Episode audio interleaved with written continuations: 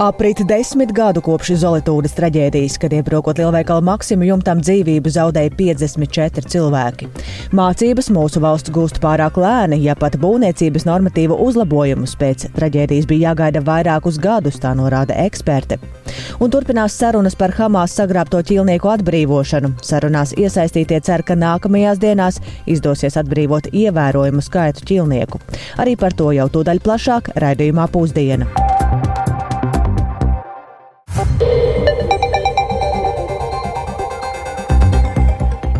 12,5 minūtes skanējumu sāka 21. novembra raidījums pusdiena ar plašāku skaidrojumu par šodien būtisko studijām Dāca Pēkšēna. Labdien!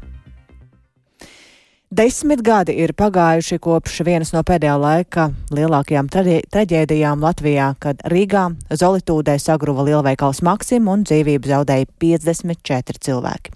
Un šajā dienā ne tikai pieminam un atceramies traģēdijā bojā gājušos, bet arī uzdodam jautājumus kas par šiem gadiem ir mainījies un vai vispār ir kas mainījies. Un uz to šodien atskatās arī Zolitūdas traģēdijā cietušo biedrība diskusijām, kurām cer arī pievērst plašāku sabiedrības uzmanību. Šodien seko līdz kolēģi Agnija Lazdiņa, ar kuru esam sazinājušies tiešēdē. Sveika, Agnija, tu šobrīd esi Zolitūdē tieši pie piemiņas vietas, bet arī es uzklausījusi plašākas diskusijas un secinājumi, kādi ir šajā dienā. Labdien! Jā, šobrīd atrodos šajā piemiņas vietā un jāatzīst, ka šajā biedrības tikšanā pirmais, ko biedrība pauda, ir šis sarūktinājums par to, ka pirmajā instances tiesā krimināllietā par vainīgu atzīts tikai viens šis būvinženieris, ar ko visi pārstāvi, kas bija uz vietas, norādīja, ka viņi nav mierā un viņi nebūs mierā ar to, ka tikai ir viens vainīgais, kā tas ir šobrīd pagaidām. Un uh, arī viņi atzina šo nožēlu, ka, lai gan šodien ir šī, šis desmitais gads, kas ir pagājis, tik un tā joprojām norisinās tiesvedības process.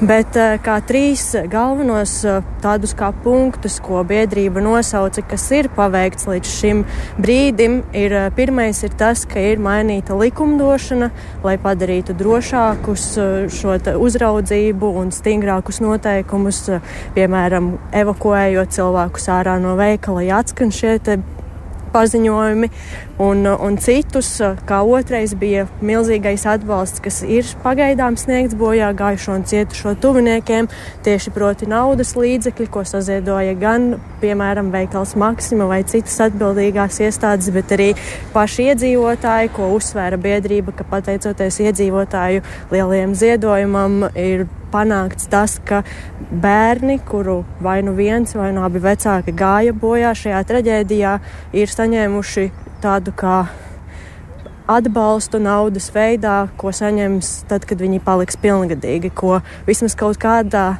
mazā mērā viņiem tādā veidā atmaksājot uh, šo, tu, šo ģimenes locekļu iešanu bojā. Bet uh, kā trešā lieta, ko pieminēja, ir tas, ka joprojām tiek strādāts pie piemiņas vietas izveidošanas šeit pat uh, Zolitūdē, kur nobruka Maksima. Proti par to, ka šo, šogad darbi joprojām turpinās, lai izveidotu memoriālu parku, kur tad varētu pieminēt visus šos 54 bojā gājušos traģēdijā.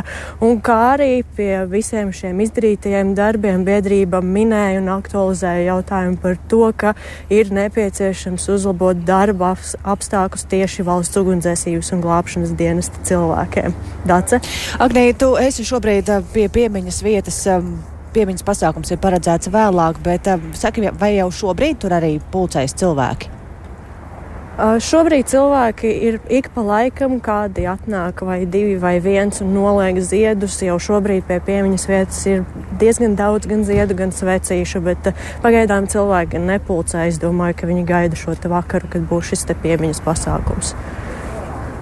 Paldies Agnijai Lazdiņai, kura mums ziņoja no piemiņas vietas Zolitūdē. Es tikai vēl piebildīšu to, ka arī šorīt Latvijas radio radījumā labrīt traģēdijā cietušo biedrības Zolitūde 2111 vadītāja Regīna Ločmela no saskaņas uzsvēra, ka Zolitūdes traģēdijā cietušie nekad nepieņems tiesas spriedumu ar vienu vainīgo 54 cilvēku nāvē. Un, ja augstākā tiesa Zolotūdas traģēdijas lietā lems līdzīgi pirmajām instancēm, tad um, tuvinieki valsti sūdzēšot arī Eiropas cilvēktiesību tiesā. Bet uh, te ir arī jautājums par to, cik ātri vai lēni mēs izdarām secinājumus, mācāmies no kļūdām un uh, kā šorīt um, Radījumā labrīt kolēģiem Kristapam Feldmanim un Elīnai Balskarai sacīja labas pārvaldības un pretkorupcijas eksperta Inese Vojka, kas traģēdijas laikā bija sabiedrības par atklātību Dēlna padomes priekšsēdētāji, tad um, Desmit gadus pēc traģēdijas var secināt, ka mācības mūsu valsts gula pārāk lēni, jo pat uz izmaiņām būvniecības normatīvos bija jāgaida vairākus gadus, un paklausīsimies šobrīd viņas teiktajām gadu no gada, veidojot atskaites par to, kas ir izdarīts, bija jāsacina, ka ļoti maz kas ir mainījies. Un tad vienā brīdī ritenis iekustējās un būvniecības pārvaldība ir sakārtota. Tomēr pati būtiskākā lieta, kura acīm redzami noveda pie traģēdijas, kā var redzēt no apsūdzības, ir saistīta ar uzraudzību, ar to, kā tā tiek organizēta no valsts puses, kā to organizē būvnieki. Un šajā jautājumā Es domāju, sabiedrībai arī šobrīd no valsts puses būtu jāsniedz atbilde. Paldies žurnālistiem, kas katru gadu mums atgādina par šiem notikumiem un uzdod šos jautājumus. Un būv uzraudzība ir viens no tiem jautājumiem, kas mums šodien var likt justies drošiem. Un, um, es neesmu pārliecināta, ka viss uh, līdz galam ir tik rožaini šobrīd. Pēc traģēdijas būvniecības procesa arī atkal ir atsevišķās jomās atviegloti, un uh, jūsuprāt, tas tā ir darīts, jo ir aizmirsuši bijušās mācības, vai tomēr eh, tam ir pamats? Būvniecība ir ļoti sarežģīts process, un atsevišķās lietās bija vajadzīga atvieglošana. Runa ir par konkrētu uzraudzību un to, kurā brīdī ierauga tās problēmas, un visu laiku, un vienmēr arī valsts finansētos projektos, nu arī privātos, kā mēs redzam, tai būvuzraudzībai atvēlēja tik maz laika, ka nebija brīnums, ka tas būvuzraugs skraidīja pa daudziem objektiem, un, un tagad viņš ir pagaidām vienīgais vienīgais, kurš ir apsūdzēts. Es saprotu arī, eh, nu, viņam ir tā atbildība, bet es arī saprotu prokuratūru un paldies, ka viņi ir pārsūdzējuši kasācijas kārtībā šo kārtību par tiem pārējiem arī no valsts puses un citiem cilvēkiem no Rīgas domas struktūra puses, kas uzraudzīja šo. Tā ir lieta, kurai nekādā gadījumā tā nedrīkst eh, tikt eh, palaista brīvplūsmā. Nu jā, nu būvniecība tika sapurināta pēc šī notikuma, bet cilvēki vai cilvēki kļuva citādi, uzmanīgāki, piesardzīgāki. Ļoti būtiska lieta, kas mainījās, bija arī saistībā ar ugunsdzēsības noteikumiem, vai tas ir obligāti un kādā veidā mēs rēģējam uz trauksmi. Un šeit jāsaka, ka arī iedzīvotāju uzvedība, izpratne par to, ko nozīmē trauksme un ka uz to ir jārēģē, mainījās. Jo daļa no visas civilās aizsardzības, ja tā var teikt, jā, ir, ka mums ir šie signāli un tad mēs uz tiem reaģējam. To mēs esam, es domāju, tagad pēdējā laikā novērojuši, ka lielveikali tiek evakuēti. Es pagājušā vasarā, man liekas, vienā lielveikalā arī šo te piedzīvoju. Ir mainījies. Tagad, protams, karš kaimiņos mums liek uzdot jaunus jautājumus par civilo aizsardzību tādā plašākā un citādākā nozīmē. Un jautājumu, vai mēs esam gatavi, mums noteikti ir jāgatavojas vairāk. Tik tālu labas pārvaldības un pretkorupcijas ekspertes Ineses Vojkas sacītais, bet nu ne jau tikai eksperti un traģēdijā cietušie, kā arī viņu tuvinieki izvērtē un atskatās uz aizvadīto desmitgadu todien. Vistiešākie traģēdijas aculiecinieki bija cilvēki, kas tajā dienā strādāja, riskēja ar savu dzīvību, glābjot citus un palīdzot cietušajiem dažādu dienestu darbinieki. Un Tas, ko šodien Rīgas domē pieminot traģēdijas bojā gājušos, norāda mediķi un glābšanas dienesti, tad desmit gadu laikā kopš Zolitūras traģēdijas sabiedrība ir iemācījusies saklausīt trauksmes sirēnu un pamest telpas, glābēji, ieguvuši jaunu tehniku, un katru nākamo krīzi mediķi ir risinājuši balstoties uz Zolitūdas traģēdijas pieredzēto. Taču problēmas risināt pilnvērtīgi joprojām saglabājas, un par to vairāk paklausīsimies Viktora Demīda ierakstā. Pirms desmit gadiem, 21. novembrī, sabiedrība ieguva ļoti smagu, skarbu un sāpīgu mācību. Lielveikala Maksima traģēdija parādīja cilvēku bezatbildību un vienaldzību. Tā šodien Rīgas domas piemiņa ziņojumā par nelaimi teica Rīgas pašvaldības policijas priekšnieka vietnieks Andrejs Aronovs, kurš pienākumus pildīja arī toreiz. Lai gan traģēdijā bojā gāja 54 cilvēki, Aronovs izceļ arī iegūto pozitīvo pieredzi. Tāpat, ka teica, ka no glābēja līdz upurim ir viens solis. Tāpat arī no upura līdz glābējam ir viens solis tajā brīdī, kad uh, cilvēki sāk atmest varbūt kaut kādas savas nezinu, stereotīpas, domas, vēl kaut ko iejutās, kļūst empātiski, atcerās par savu nezinu, aicinājumu, atcerās par cilvēka būtni un sāk strādāt, ka viena saliedēta komanda nolūkā sniegt palīdzību, glābt, atbalstīt, eh, kaut kādā veidā pasniegt viens otram plecu roku, da jebko. Rīgas domas labklājības departamenta vadītāja Irēna Kondrāte atzīst, ka problēmas pastāv joprojām. Piemēram, viņas prāt muļķīgus lēmumus valstī pieņem ikdienu. Zolotūdas notiek ļoti bieži.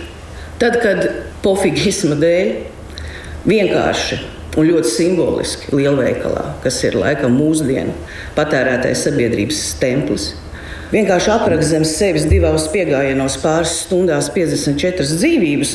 Tas notika tad, bet tas notiek katru reizi, kad pēc principa sajies, tas tāds jaunvārds arī, tiek pieņemta lēmumi.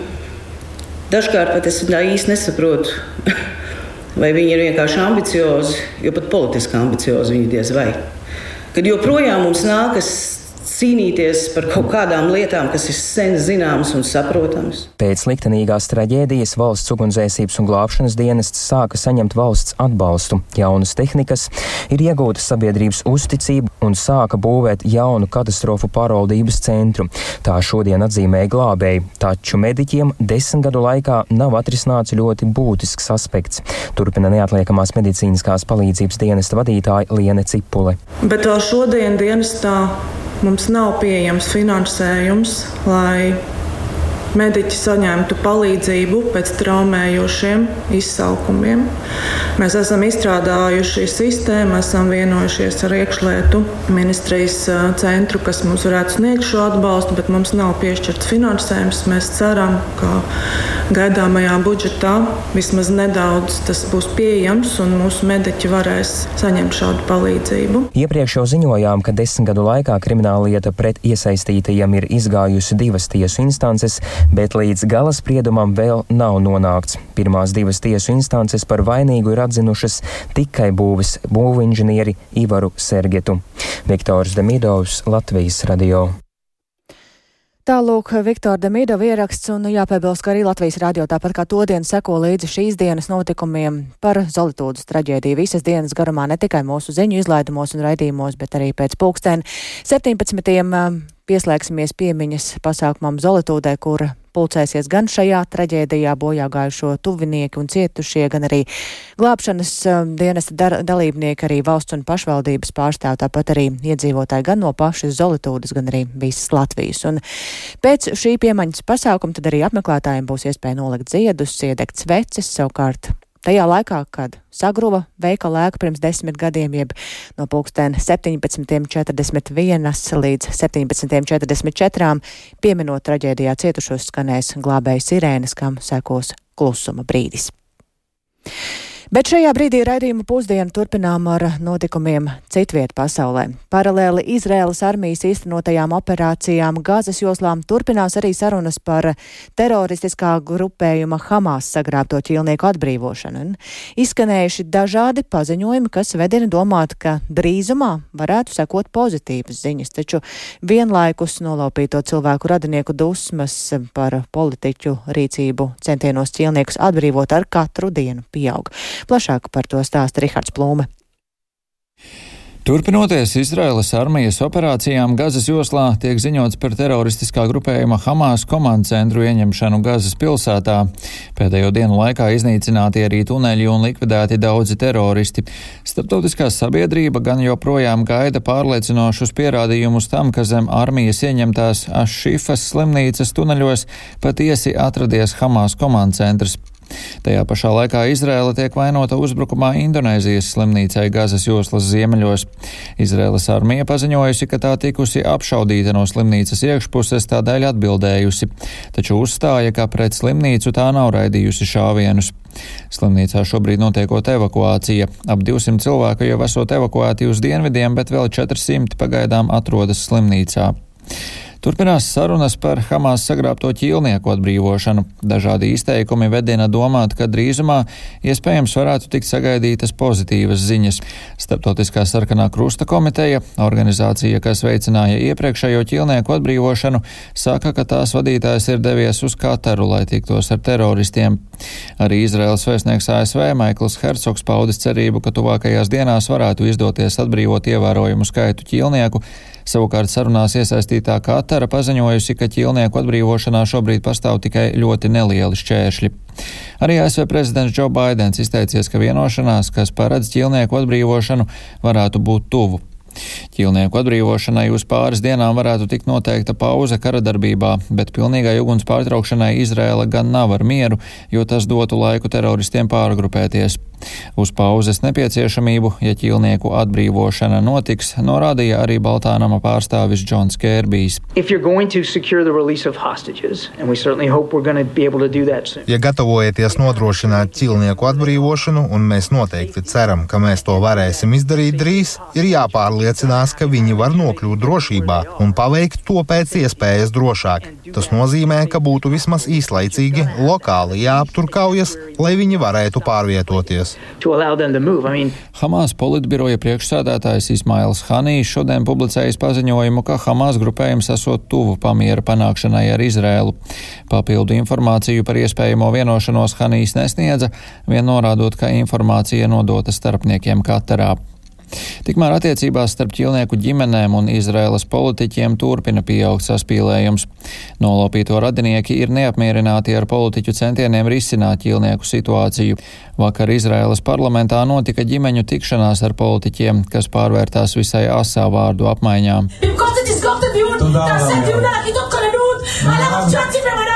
Nolaupīto radinieki lūdza Izraēlas valdošās koalīcijas galēji labējos deputātus neievies tiesību aktus, kas atļautu piemērot nāves sodu teroristiem, sakot, ka tas var apdraudēt ķilnieku drošību. Šos tiesību aktus piedāvājis Izraēlas Nacionālās drošības ministrs Itamārs Bengvirs.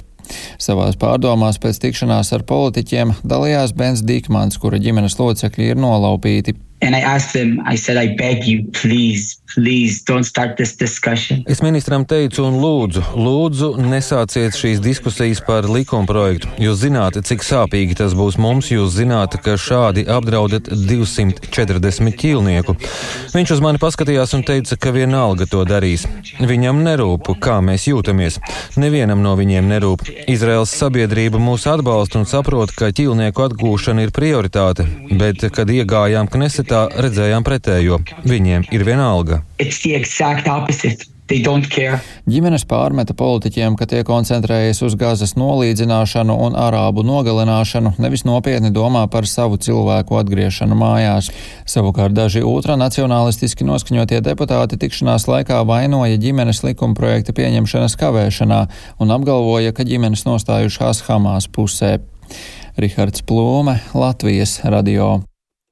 Bet mūsu nākamajā stāstā paraudzīsimies uz Izrēlu no mazliet cita aspekta, runāsim par tās ekonomiku, jo Izrēla ir viena no ekonomiski attīstītākajām valstīm tuvajos austrumos.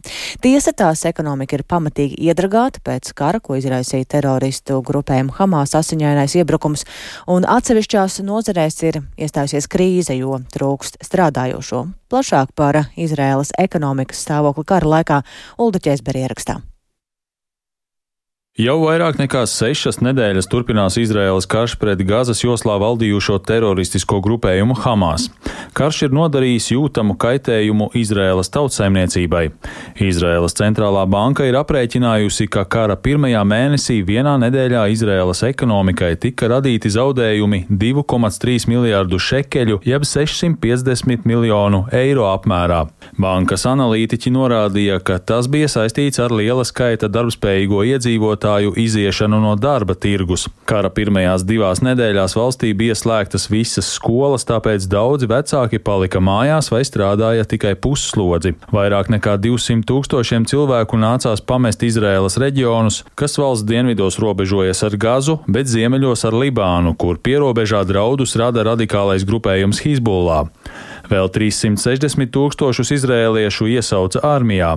Daudzi no armijā iesauktajiem ir jauni un labi izglītoti cilvēki, kuri strādā plaukstošajā IT nozarē, pastāstīja ekonomikas profesors Dans Bendāvits no Telavivas Universitātes. Izraela ir ļoti atkarīga no augstajām tehnoloģijām. Šajā nozarē strādā tikai aptuveni 10% no visa darba spēka, bet šie 10% rada pusi no mūsu eksporta. Bendāvits piebilda, ka dzīve Izrēlā kara apstākļos atgādina Covid-19 pandēmijas laiku. Fakts, ka virs galvas regulāri lido raķetes, nozīmē to, ka jūs neriskējat doties ārā no mājas, ja jums tas patiešām nav nepieciešams. Karu smagi izjūta Izraēlas turisma nozare. Oktobrī valstī apmeklēja tikai 89 tūkstoši ārvalstu turistu, kas bija par 76% mazāk nekā pērn oktobrī, kad Izrēlā ciemojās vairāk nekā 370 tūkstoši turistu. Ben-Guriona lidosta, kas ir lielākā Izrēlā, pēc kara sākuma apkalpo par aptuveni 80% reisu mazāk nekā iepriekš. Ja pirms kara ikdienu lidosta apkalpoja vidēji 500 lidojumus dienā, tad pašlaik tie ir tikai vidēji 100 lidojumi dienā. Allaž ļaužu pilnās Jeruzalemes vecpilsētas ielas tagad ir tukšas, tāpēc daudzo veikaliņu īpašnieku ienākumi ir strauji samazinājušies. Viens no viņiem ir paklāju pārdevējs Josefs Nače, kurš neslēpa, ka nav viegli. No work, Nav darba. Es tikai nāku atsēdēt. Bizness ir apstājies. Mums ir skumju, jo vispār nav darba. Situācija nav viegla, karš nav viegls. Neviens nejūtās labi, ne arābi, ne ebreji. Mēs visi esam bēdīgi.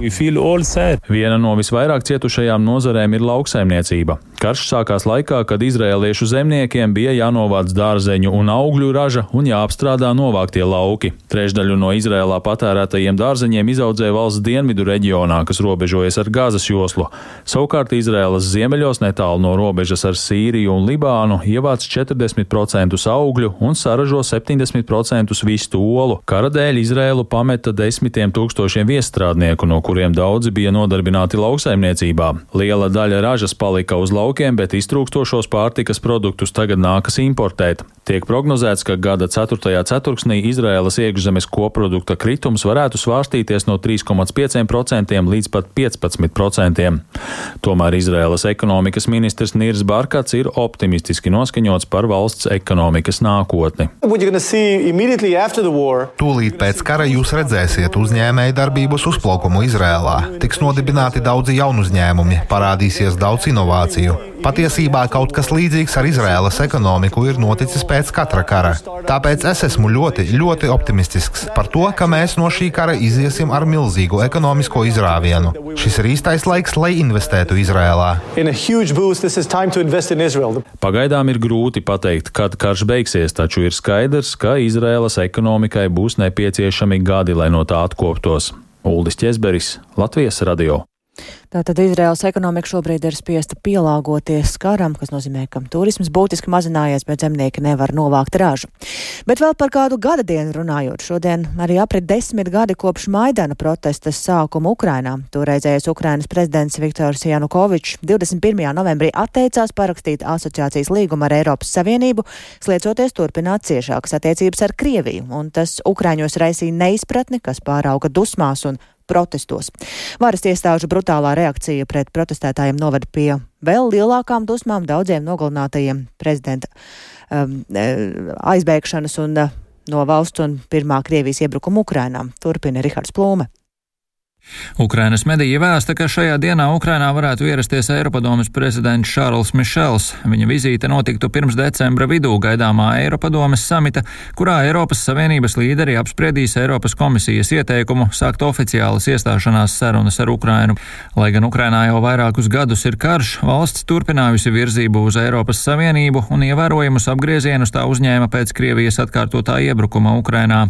Tiesa līdz Ukraina kļūs par dalību valsti var paiet vēl daudz daudzi gadi.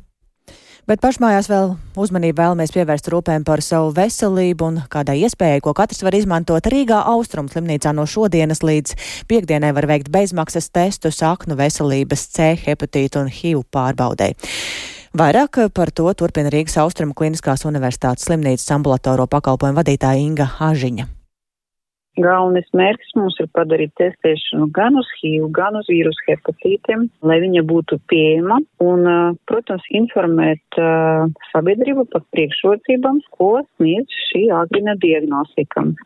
Jo agrina slimības uh, atpazīšana mums ļauj cilvēkam palīdzēt un viņu ārstēt, lai vīrus nevairojas, nedara sliktu darbu, neattīstās nopietnas problēmas, komplikācijas un tad viņam pārtraukt tālāk izplatīšanu. Jāpiebilst gan, ka bezmaksas testiem vietu skaits ir ierobežots, tāpēc ik viens, kas vēlas to darīt, ir jāpiesakās. Un ar šo informāciju tad arī izskan raidījums pusdiena, ko producēja Lauris Zvēnieks, ierakstus montēja Renārs Šteimanis par labskaņu, rūpējās Katrīna Bramberga un ar jums sarunājās Dāca Pēkšēna. Uz tikšanos atkal rīt!